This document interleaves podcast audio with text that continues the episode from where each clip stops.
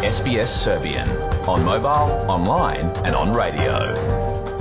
Vi ste uz SBS na srpskom, na mobilnom, na internetu i na radiju.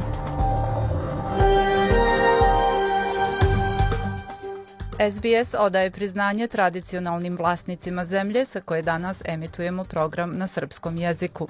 Ovim izražavamo poštovanje prema narodu Vurunđeri Vojvorang, pripadnicima nacije Kulin i njihovim prošlim i sadašnjim starešinama. Takođe odajemo priznanje tradicionalnim vlasnicima zemlje iz svih aboriđinskih naroda i naroda sa ostrva iz Toresovog Moreuza, na čijoj zemlji slušate naš program. Dobar dan, danas je četvrtak, 15. februar 2024. Ja sam Nataša Kampmark. U današnjem programu niz zanimljivih i aktuelnih tema. Povodom Dana državnosti Republike Srbije 15. februara danas je izvršeno svečano podizanje zastave Republike Srbije u Melbourneu u predgrađu Dandenong, o čemu ćemo detaljnije reći e, Zoran Subić posle pregleda vesti. Iz Podgorice se javlja Milica Delibašić, iz Srbije Hranislav Nikolić i Mija Nikolić. U okviru tema iz nauke danas ćemo reći kako redki morski sunđeri koriste naučnicima da zaključe koliko je porasla temperatura u odnosu na predindustrijsko doba i koliko se temperatura može povećati do kraja decenije. Ostanite sa nama do 16 časova. Sledi pregled vesti.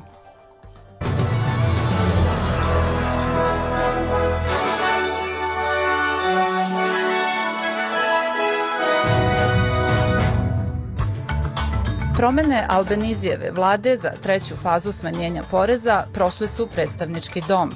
U Viktoriji još bukte dva požara, dok je oko 125.000 domova širom države i dalje bez struje nakon oluje. Palestinski ambasador pri Ujedinjenim nacijama poručuje da je krajnje vreme da Savet bezbednosti donese odluku o rezoluciji o prekidu vatre.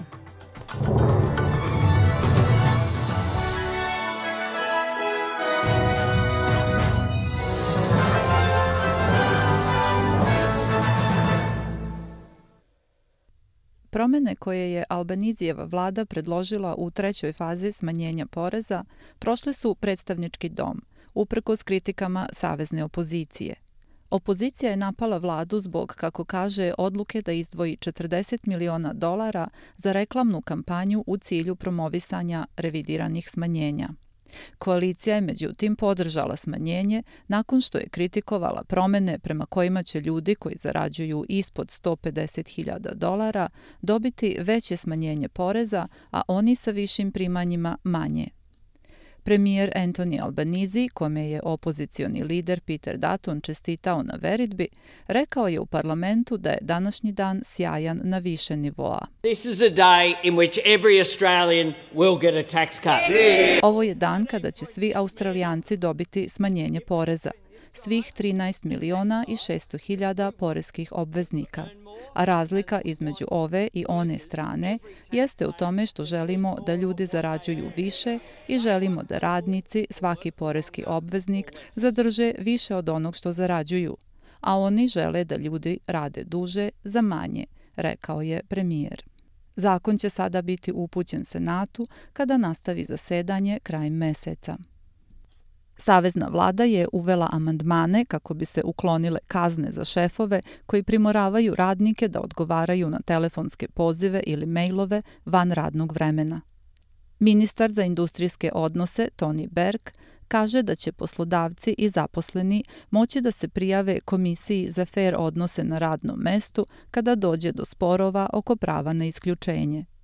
On je rekao parlamentu da ne bi trebalo da bude kontroverzno da ljudi budu plaćeni za dodatno radno vreme. Izdato je još jedno upozorenje na opasnost od ciklona za priobalna područja pogođena poplavama na severu Australije, od Port Ropera u severnoj teritoriji do Burgtowna u Queenslandu. Biro za meteorologiju upozorava da postoji umerena verovatnoća da se u zalivu Karpentarija razvije ciklon u četvrtak uveče. Žitelji regionalne Viktorije sa strepnjom očekuju da vide koliku štetu su njihovoj imovini naneli katastrofalni požari nakon tri dana visokih temperatura i jakih oluja. Nekontrolisana vatrena stihija i dalje gori u dva nacionalna parka. Ostaju na snazi dva upozorenja za stanovnike severno i istočno od nacionalnog parka Grampians, a ljudima se savetuje da prate informacije o požaru u nacionalnom parku Varbi Ovens na severoistoku države.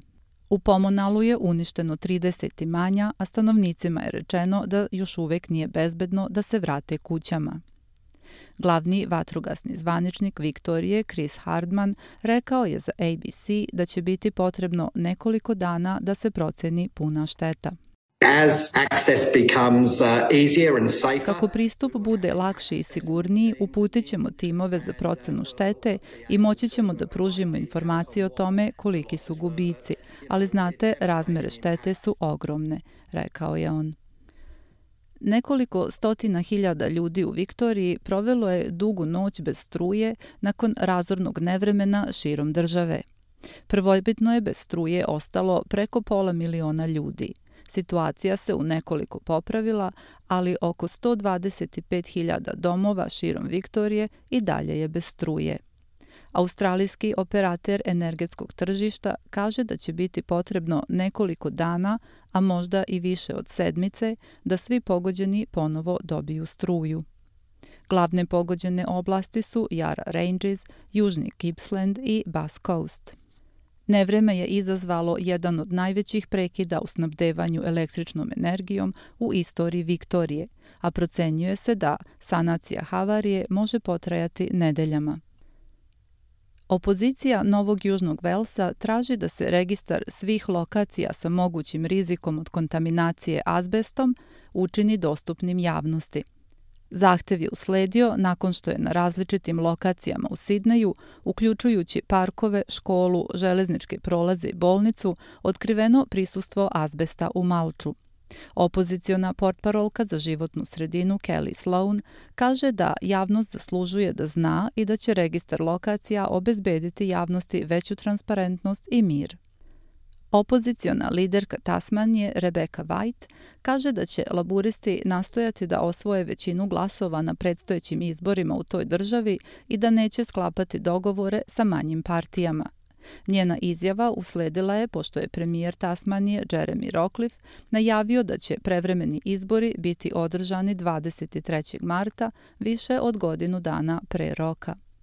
Jedina liberalna vlada Australije je u manjini od maja, kada su John Tucker i Lara Alexander napustili stranku da bi postali nezavisni poslanici. I premijer i opoziciona liderka dali su izjave u kojima se distanciraju od mogućnosti još jedne manjinske vlade, a gospodin Rockcliffe je rekao da je to destabilizujuće. Rebecca White kaže da njena stranka traži većinu glasova tasmanijskog naroda. Federalni poslanici pozvali su Sjedinjene države i Ujedinjeno kraljevstvo da odustanu od krivičnog gonjenja Juliana Assangea uoči završnog saslušanja o ekstradiciji u Velikoj Britaniji. Predstavnički dom usvojio je predlog sa 86 glasova za i 42 glasa protiv, pozivajući vladu SAD-a i Velike Britanije da dozvole Assangeu da se vrati u Australiju. Osnivač Wikileaksa će izaći pred Vrhovni sud u Londonu 20. februara u poslednjem pokušaju da spreči izručenje SAD-u zbog optužbe za špijunažu. Advokat za ljudska prava Jennifer Robinson, koja zastupa Assangea, rekla je za ABC Radio National da se slučaj nalazi na najkritičnijoj tački. Ovo je njegova posljednja žalba u Velikoj Britaniji. Već smo zatražili odobrenje da se žalimo na odluku o njegovom izručenju koja je odbijena krajem prošle godine. Ovo je zapravo zahtev za obnovu. A ako bude odbijen, u Ujedinjenom kraljevstvu nema daljih žalbi. To znači da bi mogao biti izručen Sjedinjenim državama. Mi naravno pripremamo zahtev Evropskom sudu za ljudska prava, ali to bi bila izuzetna mera koju bi Evropski sud odobrio da ga zaštiti od ekstradicije. Tako da smo zaista u teškoj situaciji, jer bi on mogao biti izručen Sjedinjenim državama, i to uskoro, naglasila je Asanžova pravna zastupnica. Australijske odbrambene snage su oslabljene jer se suočavaju sa problemom kako da zaposle i zadrže osoblje. Glavnokomandujući ADF-a Angus Campbell rekao je na parlamentarnom saslušanju da prema stanju od 1. januara ADF-u nedostaje više od 4300 ljudi, odnosno skoro 7 od 100. On kaže da je stopa zapošljavanja ispod nivoa potrebnog za održavanje snaga i dodaje da su zapošljavanje i zadržavanje ljudi sada prioritet ADF-a. General Lieutenant Natasha Fox odgovorila je na pitanje nezavisne senatorke Jackie Lambie da sadašnji proces regrutacije predugo traje. The length of time taken to, um, recruit, Potrebno je 300 uh, ili više dana da se osoba regrutuje. U redu, onda nije čudo što se niko ne prijavljuje. Albanizijeva vlada kaže da želi da što pre ponovo uspostavi finansijsku pomoć Agenciji Ujedinjenih nacija za pomoć Palestini. Ministarka inostranih poslova Penny Wong rekla je da je ta agencija od vitalnog značaja za pomoć u Gazi, ali da su optužbe protiv nje ozbiljne i da se ne mogu ignorisati.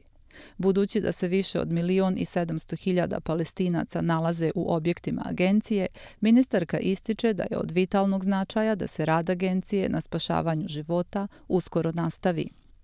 Nekoliko zemalja, uključujući Sjedinjene države, Ujedinjeno kraljevstvo i Australiju, ukinule su finansijsku pomoć Agenciji Ujedinjenih nacija za pomoć Palestini nakon tvrdnji Izraela da je 12 članova osoblja te agencije u Gazi učestvovalo u Hamasovim napadima od 7. oktobra. Prelazimo na vesti iz sveta. Članovi Arapske lige kažu da imaju široku podršku među članovima Saveta bezbednosti Ujedinjenih nacija za usvajanje nacrta rezolucije kojom se poziva na prekid vatre u Gazi. Alžir, arapski predstavnik u Savetu bezbednosti Ujedinjenih nacija, je prošle nedelje predstavio nacrt rezolucije kojom se od svih strana zahteva da se pridržavaju međunarodnog prava, poziva na nesmetan pristup humanitarnoj pomoći i odbacuje prisilno raseljavanje palestinskog civilnog stanovništva. Palestinski ambasador pri Ujedinjenim nacijama Riyad Mansur kaže da je krajnje vreme da Savet bezbednosti donese odluku o rezoluciji o prekidu vatre. Prošlog petka izraelski premijer Benjamin Netanjahu najavio je da Izrael planira kopnenu invaziju velikih razmera na grad Rafa na jugu Gaze. Uprkos međunarodnim kritikama i pozivima na uzdržanost, Izrael kaže da će nastaviti sa invazijom na region gde se trenutno nalazi oko milion i po palestinaca. Ukrajinska vojska saopštila je da je uništila ruski desantni ratni brod kod obale Krima. Kijevska vojna špijunska agencija i oružane snage kažu da su zajednički izvele ovu operaciju pomoću dronova, potopivši desantni brod Cezar Kunikov za koji kažu da je u to vreme bio u teritorijalnim vodama Ukrajine. Visoki zvaničnik američkog State Departmenta rekao je novinarima da činjenica da ruska mornarica ne može više nesmetano da deluje u Crnom moru može značiti pomak u sukobu. Senat Sjedinjenih država usvojio zakon o pružanju pomoći Ukrajini, koji je savjetnik za nacionalnu bezbednost Jake Sullivan ocenio kao hitno potreban. Nema komentara iz Rusije, koja je ranije dala izjave u kojima je tvrdila da je uništila šest dronova u Crnom moru. U nastavku donosimo vesti iz Srbije. Prvi potpredsednik vlade i ministar spoljnih poslova Ivica Dačić najoštrije je osudio incident paljenja lutke sa likom predsednika Republike Srbije Aleksandra Vučića u naselju Kaštel Stari u Republici Hrvatskoj, saopšteno je iz Ministarstva spoljnih poslova. Rekao je da se ovim skandaloznim činom širenja mržnje šalje poruka koja ni na koji način ne doprinosi jačanju dobrosusedskih odnosa, miru i stabilnosti u regionu i direktno i ozbiljno narušava odnose dveju zemalja. Dačić je napomenuo da je ovim povodom upućena protestna nota ambasadi Republike Hrvatske u Beogradu. Zamenik premijera u Prištini, Besnik Bislimi, kritikovao je posrednika Evropske unije za dijalog Beograda i Prištine Miroslava Lajčaka zbog nepravednog i neutralnog pristupa procesu normalizacije. Beslimi je zamerio Lajčaku što nije saopštio da se u Briselu sastao sa nevladinim organizacijama na Kosovu i Metohiji koje se aktivno zalažu protiv integracije Srba u ekonomski i društveni život Kosova. Bislimi je na X nalogu naveo da gospodin Lajčak treba da objasni da li su u njegovom narativu srpske nevladine organizacije sa Kosova deo nacionalnog konventa za Evropsku uniju Srbije i da li srpski ogranak potpada pod njegov kišobran. Sa druge strane, predsednik Srbije Aleksandar Vučić izjavio je da to što Priština i dalje ne pušta dinar na Kosovo i Metohiju pokazuje da su još jednom slagali međunarodnu zajednicu kada su rekli da će suspendovati odluku o zabrani srpske valute.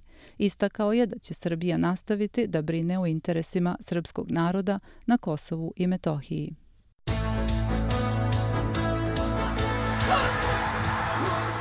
U prvim utakmicama osmine finala Lige šampiona futbaleri Lacija savladali su Bayern Minhen 1-0, dok su futbaleri Paris Saint-Germaina savladali Real Sociedad rezultatom 2-0.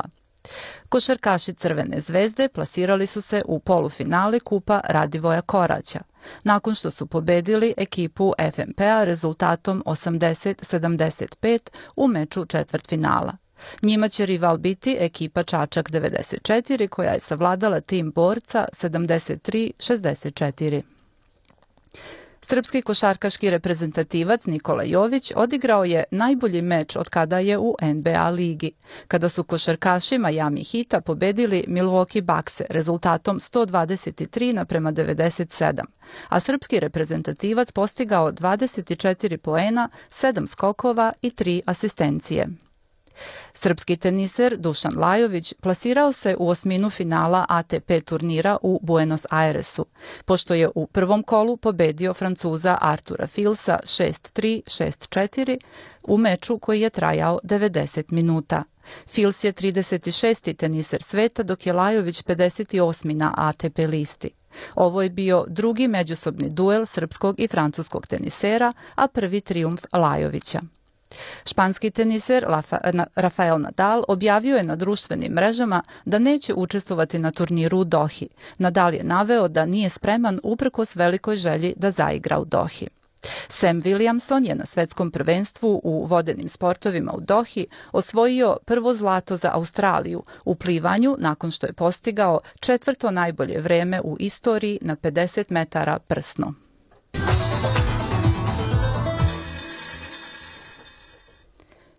Australijski dolar danas vredi 65 američkih centi, 60 evrocenti, 52 britanska penija i 70 srpskih dinara i 86 para. I da pogledamo vreme danas. U Pertu je pretežno sunčano sa 43 stepena, dok je u Adelaidu sunčano sa 28 stepeni. U Melbourneu takođe sunčano sa 22 stepena. U Hobartu delimično oblačno 24 stepena, u Kamberi prolazni pljuskovi 23, u Sidneju pojačanje pljuskova 25, u Brisbaneu prolazni pljuskovi 31 stepen, u Darwinu pljuskovi sa mogućom olujom olujom i 32 stepena. U Beogradu se očekuje vedro sa maksimalnom temperaturom od 11 stepeni.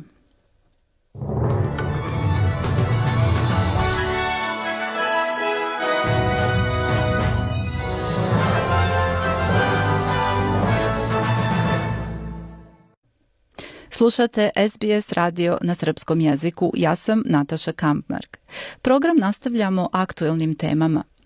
Povodom Dana državnosti Republike Srbije 15. februara danas je izvršeno svečano podizanje zastave Republike Srbije u Melbourneu, u predgrađu Dandenong na trgu Harmony Square, sa početkom u 13 časova.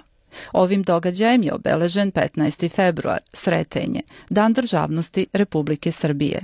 Zoran Subić bio je prisutan na tom događaju danas i reći će nam više detalja.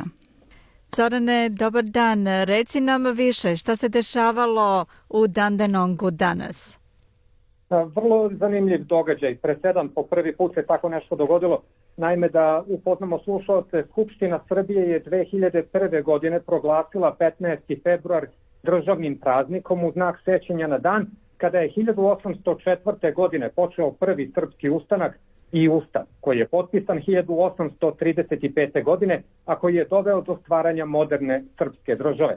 I povodom obeležavanja Dana državnosti Srbije, grad Veliki Dandenog je obeležio ovaj dan podizanjem srpske zastave na trgu Harmoni u ulici Lonsdale u Dandenogu, danas 15. februara.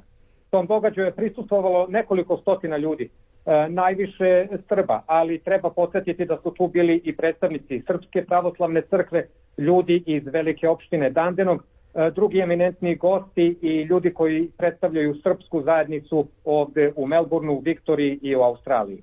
Bio je Zorane prisutan i ambasador e, Srbije, gospodin e, Stefanović i gradonačelnica opštine Dandenong, Lana Formozo, je li tako? E, tačno tako, Lana Formozo, koja je prvi gradonačelnik velike opštine Dandenong, a koja potiče iz Srbije i poreklom je Srpkinja. Ona je uputila i dobrodošli su poželela ljudima koji su tu bili prisutni i obratila se prisutnima rečima da nas upozna sa time koliko Srba u stvari živi u Dandenogu, a to je nekoliko 5000 ljudi, zatim koliko Srba je u Viktoriji, oko 33.000 i zatim u Australiji oko 95.000, tako da su svi, poznat, svi prisutni mogli da budu upućeni u to koliko je brojna srpska zajednica. Uh mhm. -huh. Je li govor držao i ambasador, što je on rekao? Da, gospodin e, Rade Stefanović, E, je održao jednu e, malu lekciju istorije gde je sve prisutne koji nisu samo Srbi, već i druge nacionalnosti, mogao da upozna sa tim što sam na početku rekao kako je došlo do toga da se sretenje slavi, odnosno Dan državnosti Srbije, i spomenuo je da je sretenje isto i religiozni praznik, a ne samo Dan državnosti Srbije. Uh mhm. -huh. I kako su reagovali prisutni? Verovatno je bila svečana atmosfera.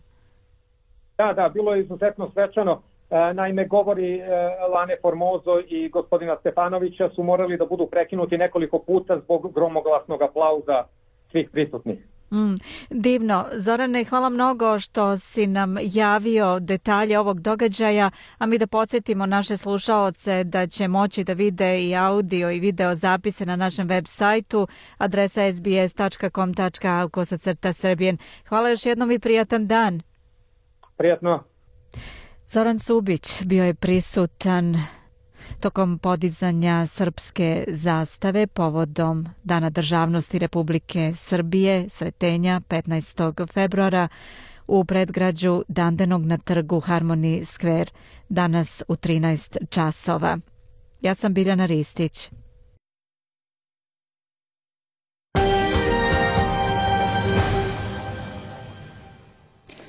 Slušate SBS na srpskom. U nastavku više iz regiona Balkana.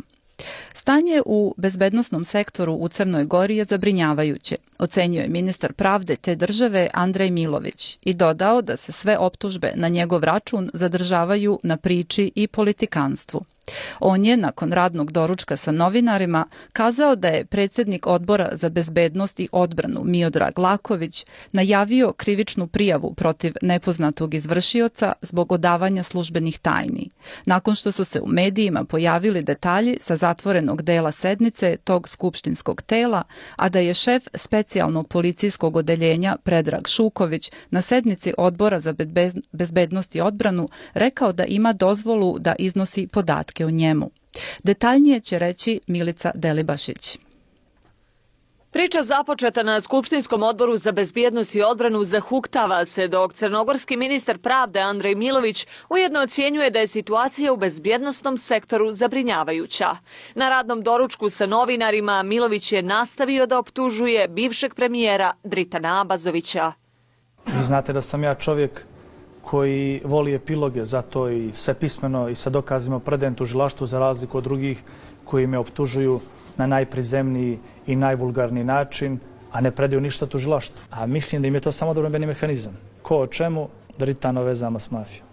Biće ispitano, kažu, i po čijem odobrenju je informacija o njemu šef specijalnog policijskog odjeljenja Predrag Šuković iznio u Skupštini, te da će poslati upite direktoru uprave policije, ministru unutrašnjih poslova i podpredsjedniku vlade zaduženom za bezbjednostni sektor.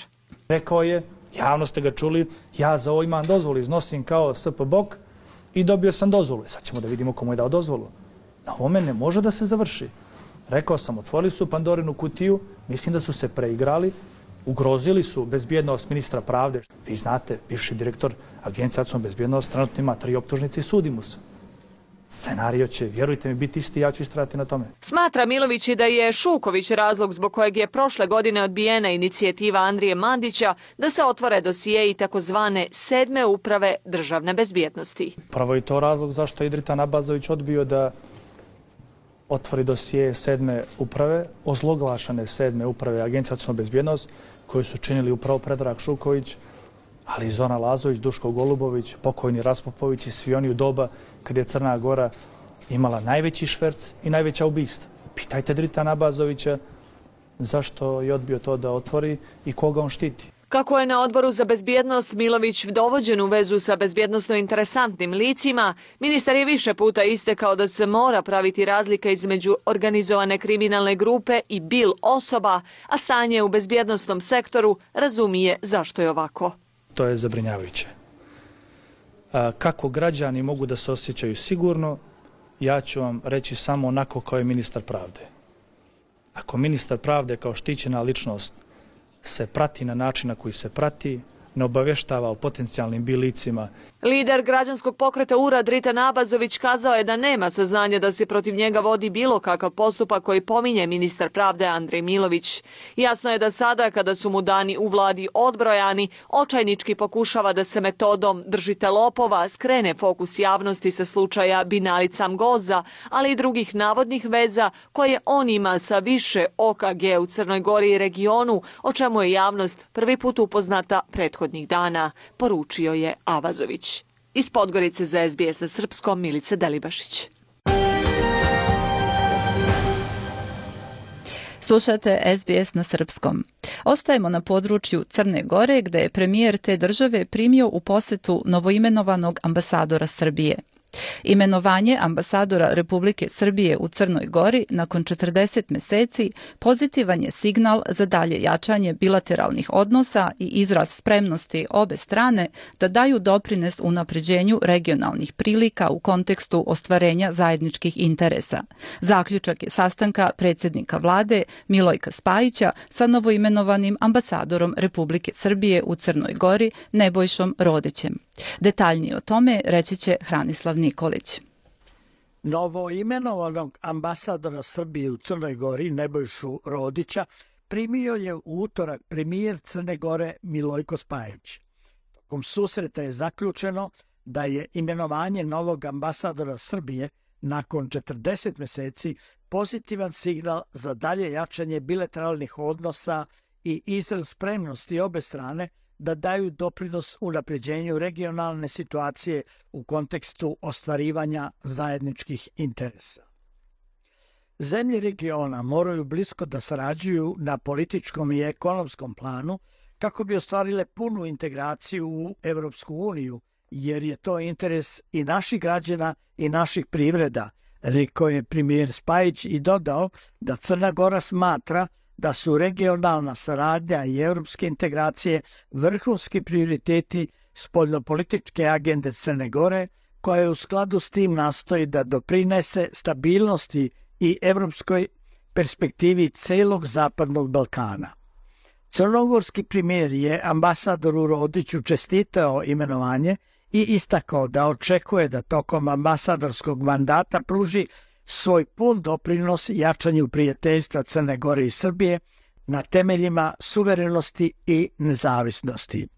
Ambasador Srbije, njegova ekscelencija Nebojša Rodić, izrazio je zadovoljstvo zbog dolaska u Crnogoru i istakao da je istorijsku konstantnu da su Crna Gora i Srbija susedne zemlje potrebno osnažiti boljom saradnjom u svim oblastima od obostranog interesa.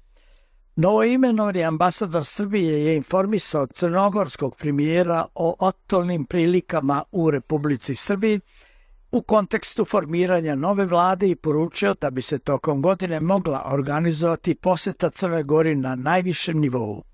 Nismo imali posetu Crne Gori još od 2013. godine. Taj pristup bi trebalo promeniti. Očekujemo da će to dati podsticaj našim daljim odnosima, rekao je ambasador Rodić. Kako se navodi u saopštenju kabineta premijera Spajića, sagovornici su razmenili i mišljenje o mogućnostima za jačanje saradnje u oblastima infrastrukture, turizma, privrede i saobraćaja. Istaknuto je takođe da je organizacija manifestacije Expo 2027 u Beogradu biti značajna prilika za Crnogoru, ali i za sve susedne zemlje. Inače, ambasador Srbije u Podgorici predao je akreditivno pismo predsjedniku Crne Gore Jakovu Milatoviću početkom februara na Cetinju. U razgovoru sa Rodićem predsjednik Milatović je istakao da u odnosima Crne Gore i Srbije postoji prostor za snaženje međudržavne saradnje u obostranom interesu, što građani obe države odavno očekuju. Nebojša Rodić je kao ambasador Srbije službovao 2014. u Azerbejdžanu, a 2018. u Austriji. Rođen je 1953. godine u Šapcu. Završio je pravni fakultet u Beogradu, a magistrirao je 2000. godine i doktorirao 2008. U Centru visokih vojnih škola Maršal Tito je završio školu narodne odbrane. Vlada Srbije ga je imenovala u avgustu 2012. za šefa bezbednostno informativne agencije. U reformisanoj vladi Republike Srbije septembra 2013. izabran je za ministra odbrane. Ovu funkciju obavljao je do aprila 2014. godine. Iz Beograda za SBS Hranislav Nikolić.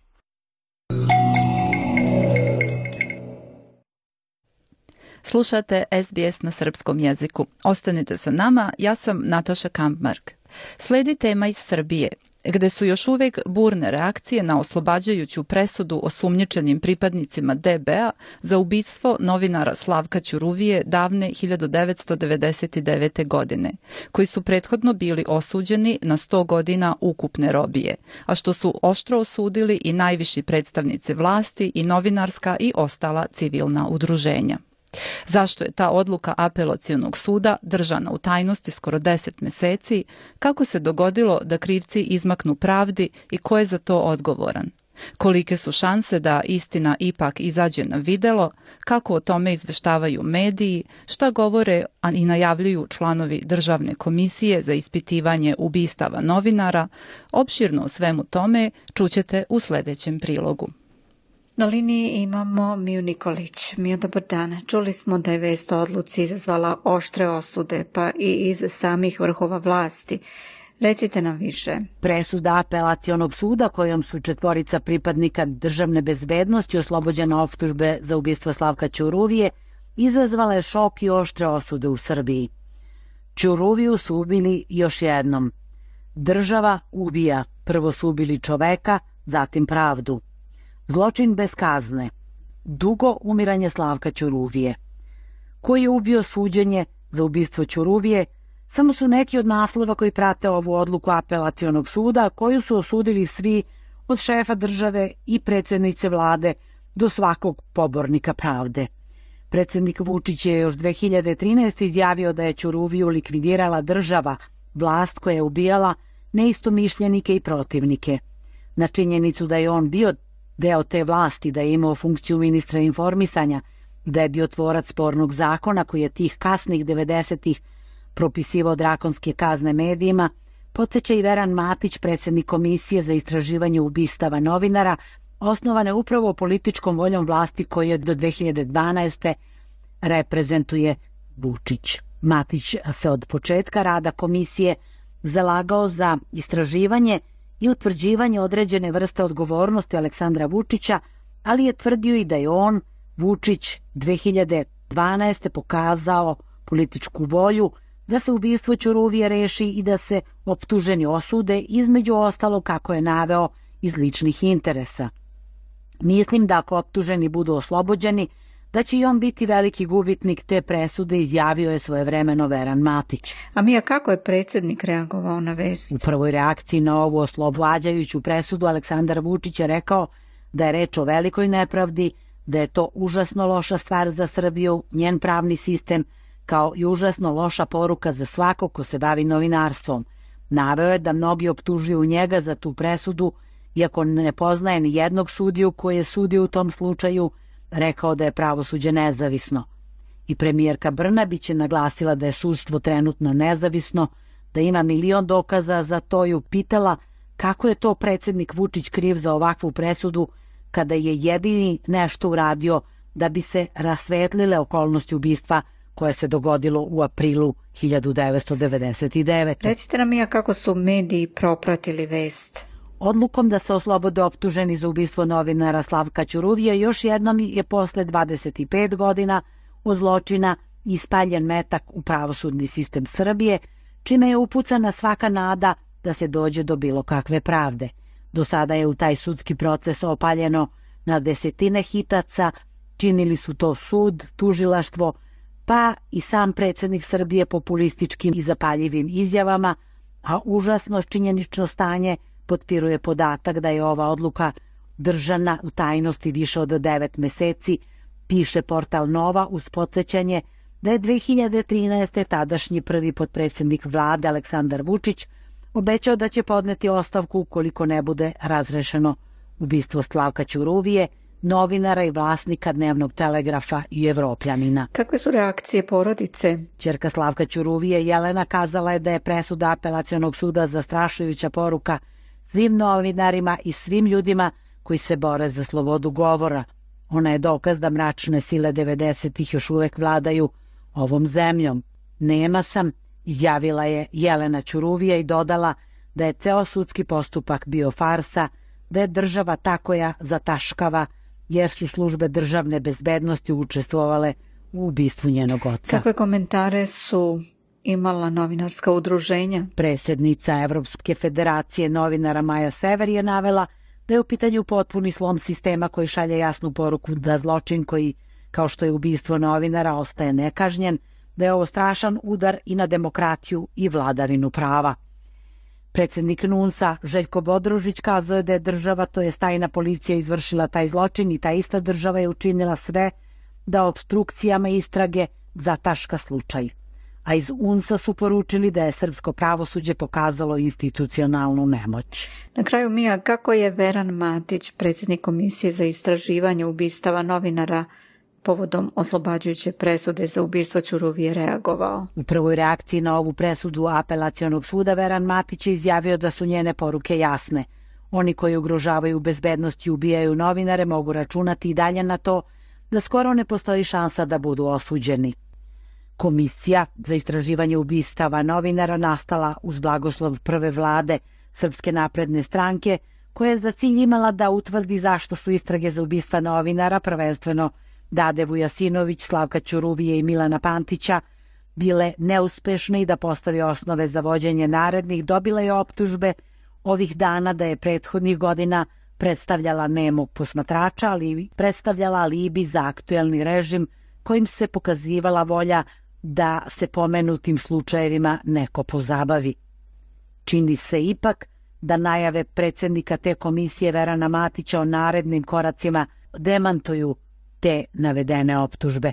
Iako se formalno pravno malo šta može učiniti, komisija je odlučila da objavi informacije i otkrića do kojih je došla tokom istrage, te da o tome obaveštava javnost i međunarodne institucije.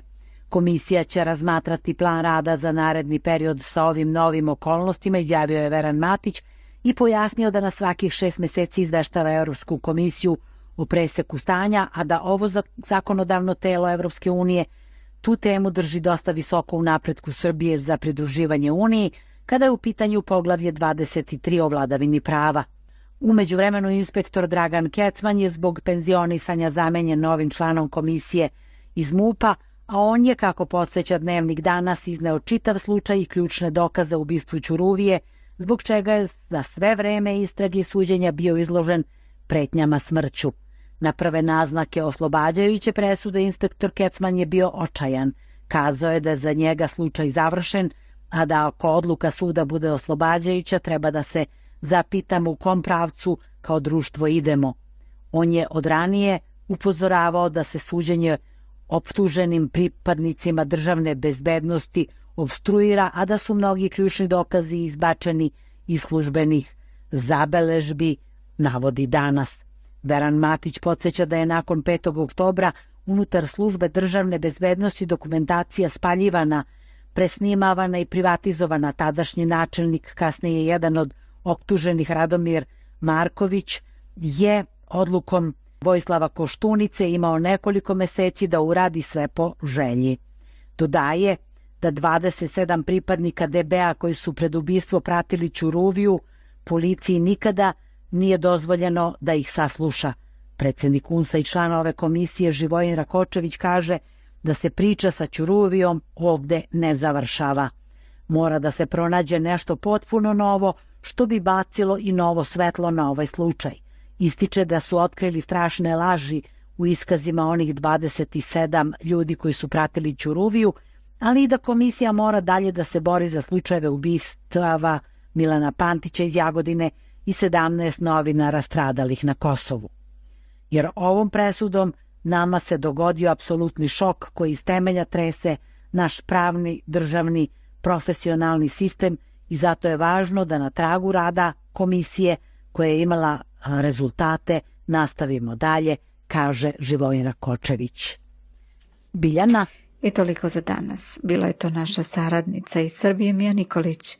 Ja sam Biljana Ristić.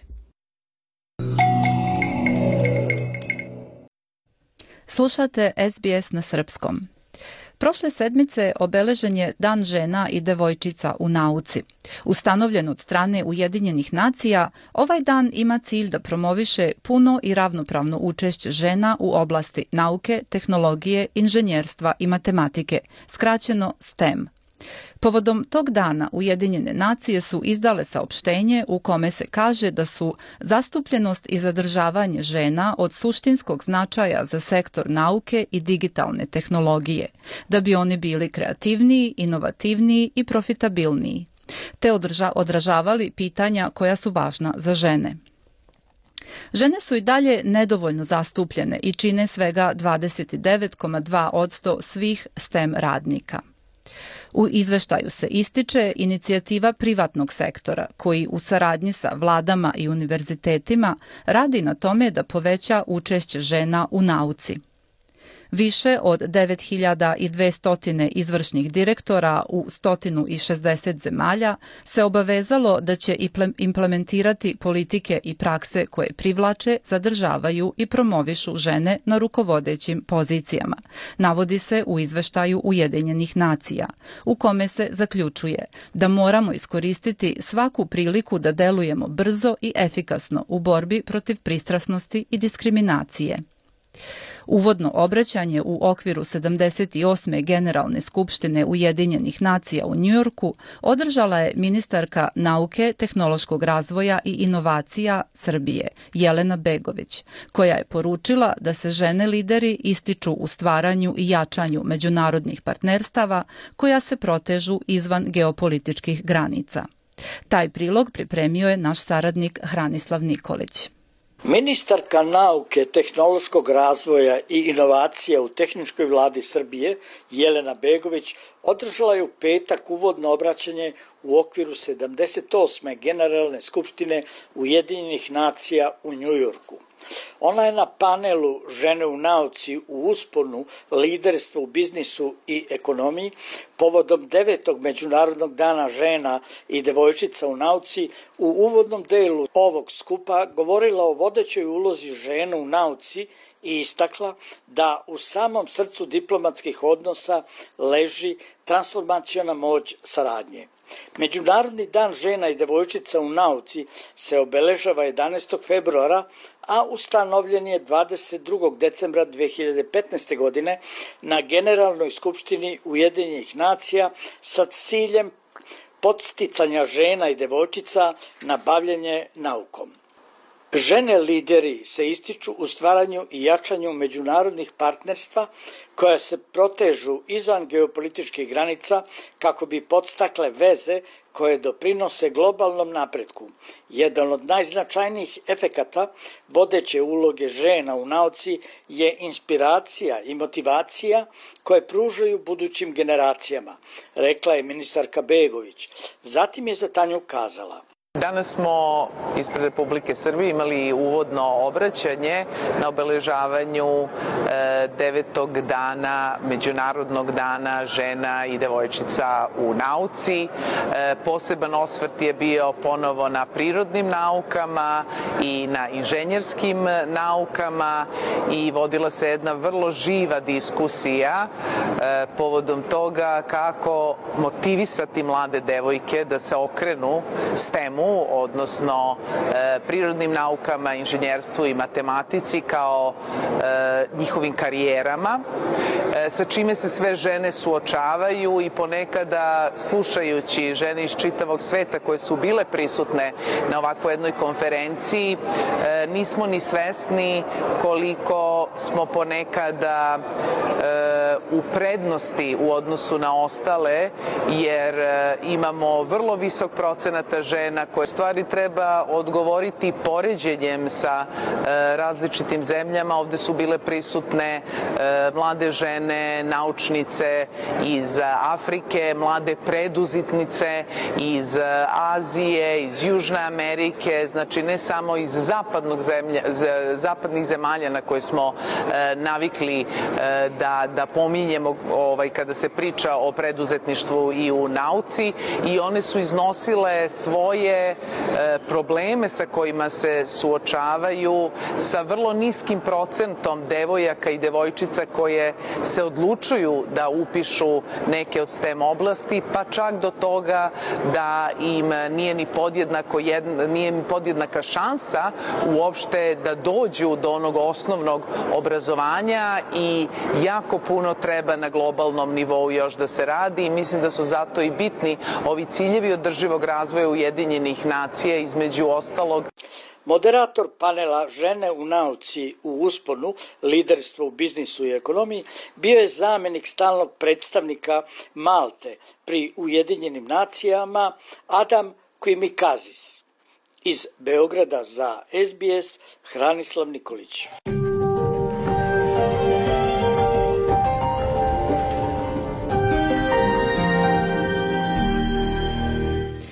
Globalna temperatura je možda već porasla za 1,5 stepen u odnosu na predindustrijsko doba, smatra istraživački tim predvođen australijskim istraživačima. Oni takođe upozoravaju da bi do kraja decenije moglo doći do zagrevanja od čak 2 stepena, mnogo pre nego što se predviđalo. Svoje zaključke zasnivaju na jednom neobičnom izvoru, redkim morskim sunđerima koji žive stotinama godina. Za SBS piše Abby O'Brien. Cilj je već odavno jasan. Ograničiti globalno zagrevanje na 1,5 stepen ili rizikovati klimatsku katastrofu. Međutim, prema novom istraživanju naučnog tima predvođenog australijskim istraživačima, taj prag smo možda već prešli. Ključna za njihova otkrića je vrsta morskog sunđera koji živi u Karipskom moru. Ova vrsta sa životnim vekom od 300 do 400 godina menja hemijski sastav kostura s promenom temperature. Profesor Malcolm McCulloch, koji je predvodio tim, kaže da ovi sunđeri deluju poput savršenog okeanskog termometra. Because they live for so long, they grow in layers continually through time.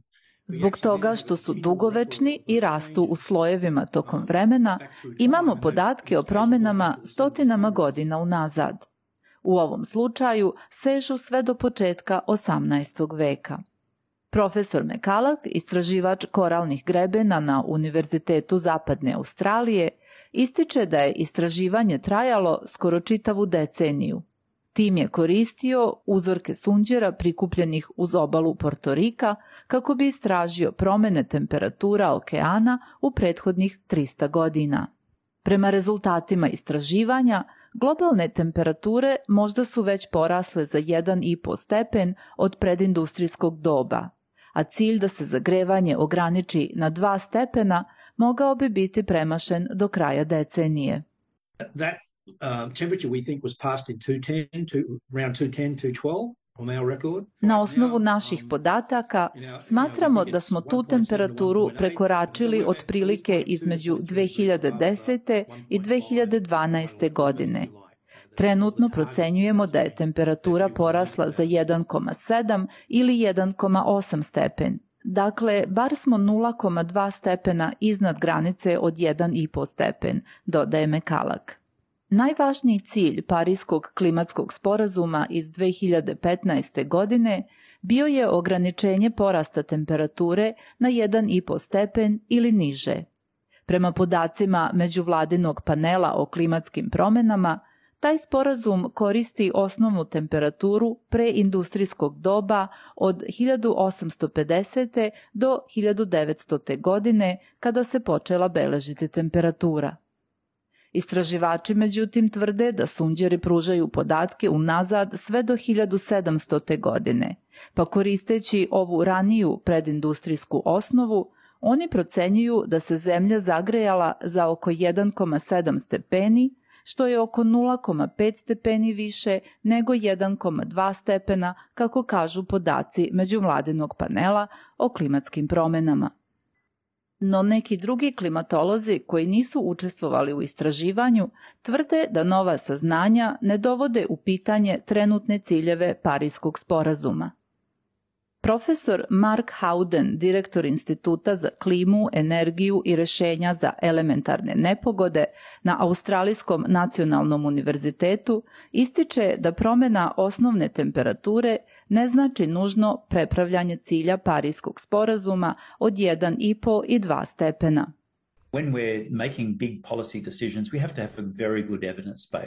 Kada donosimo važne političke odluke, ključno ih je utemeljiti na snažnim dokazima. Ovo istraživanje je važno, ali trebaju nam dodatne studije kako bismo dobili čvršću osnovu za donošenje odluka, rekao je Howden. Malte Mensauen sa Univerziteta Melbourne glavni je autor najnovijeg izveštaja međuvladinog panela o klimatskim promenama i on je rekao sledeće. Jedan novi paleozapis sa obale Portorika vredan je doprinos brojnim dokazima o globalnom zagrevanju, ali važno je napomenuti da je to samo jedno istraživanje među stotinama. Drugi stručnjaci ističu da istraživanje pruža jasniju sliku o tome kada je zapravo počelo globalno zagrevanje uzrokovano ljudskim delovanjem. Doktorka Gregory Folster, saradnica u Centru izvrsnosti za klimatske nauke Australijskog istraživačkog saveta pri Australijskom nacionalnom univerzitetu, napominje sledeće –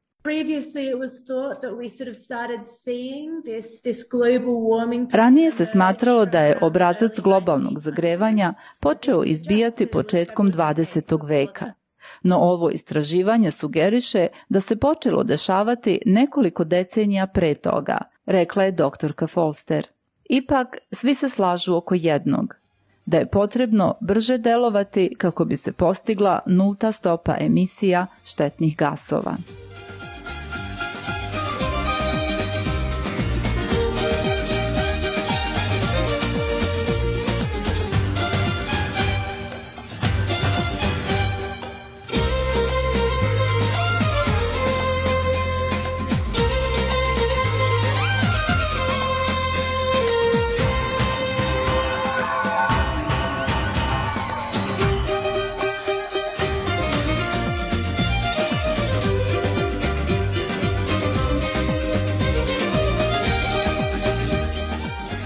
I time završavamo današnji program. Sledeća emisija na srpskom je u subotu u 15 časova. Da podsjetimo da naš program možete slušati na internetu sbs.com.au kosacrta radio ili na telefonu ako preuzmete SBS audio app. Posetite i našu web stranicu sbs.com.au kosacrta srbijan ili nas potražite na Facebooku facebook.com kosacrta SBS Serbian. Sa vama je danas bila Nataša Kampmark. Želite da čujete još priča poput ove? Slušajte nas na Apple Podcast, Google Podcast, Spotify ili odakle god slušate podcast.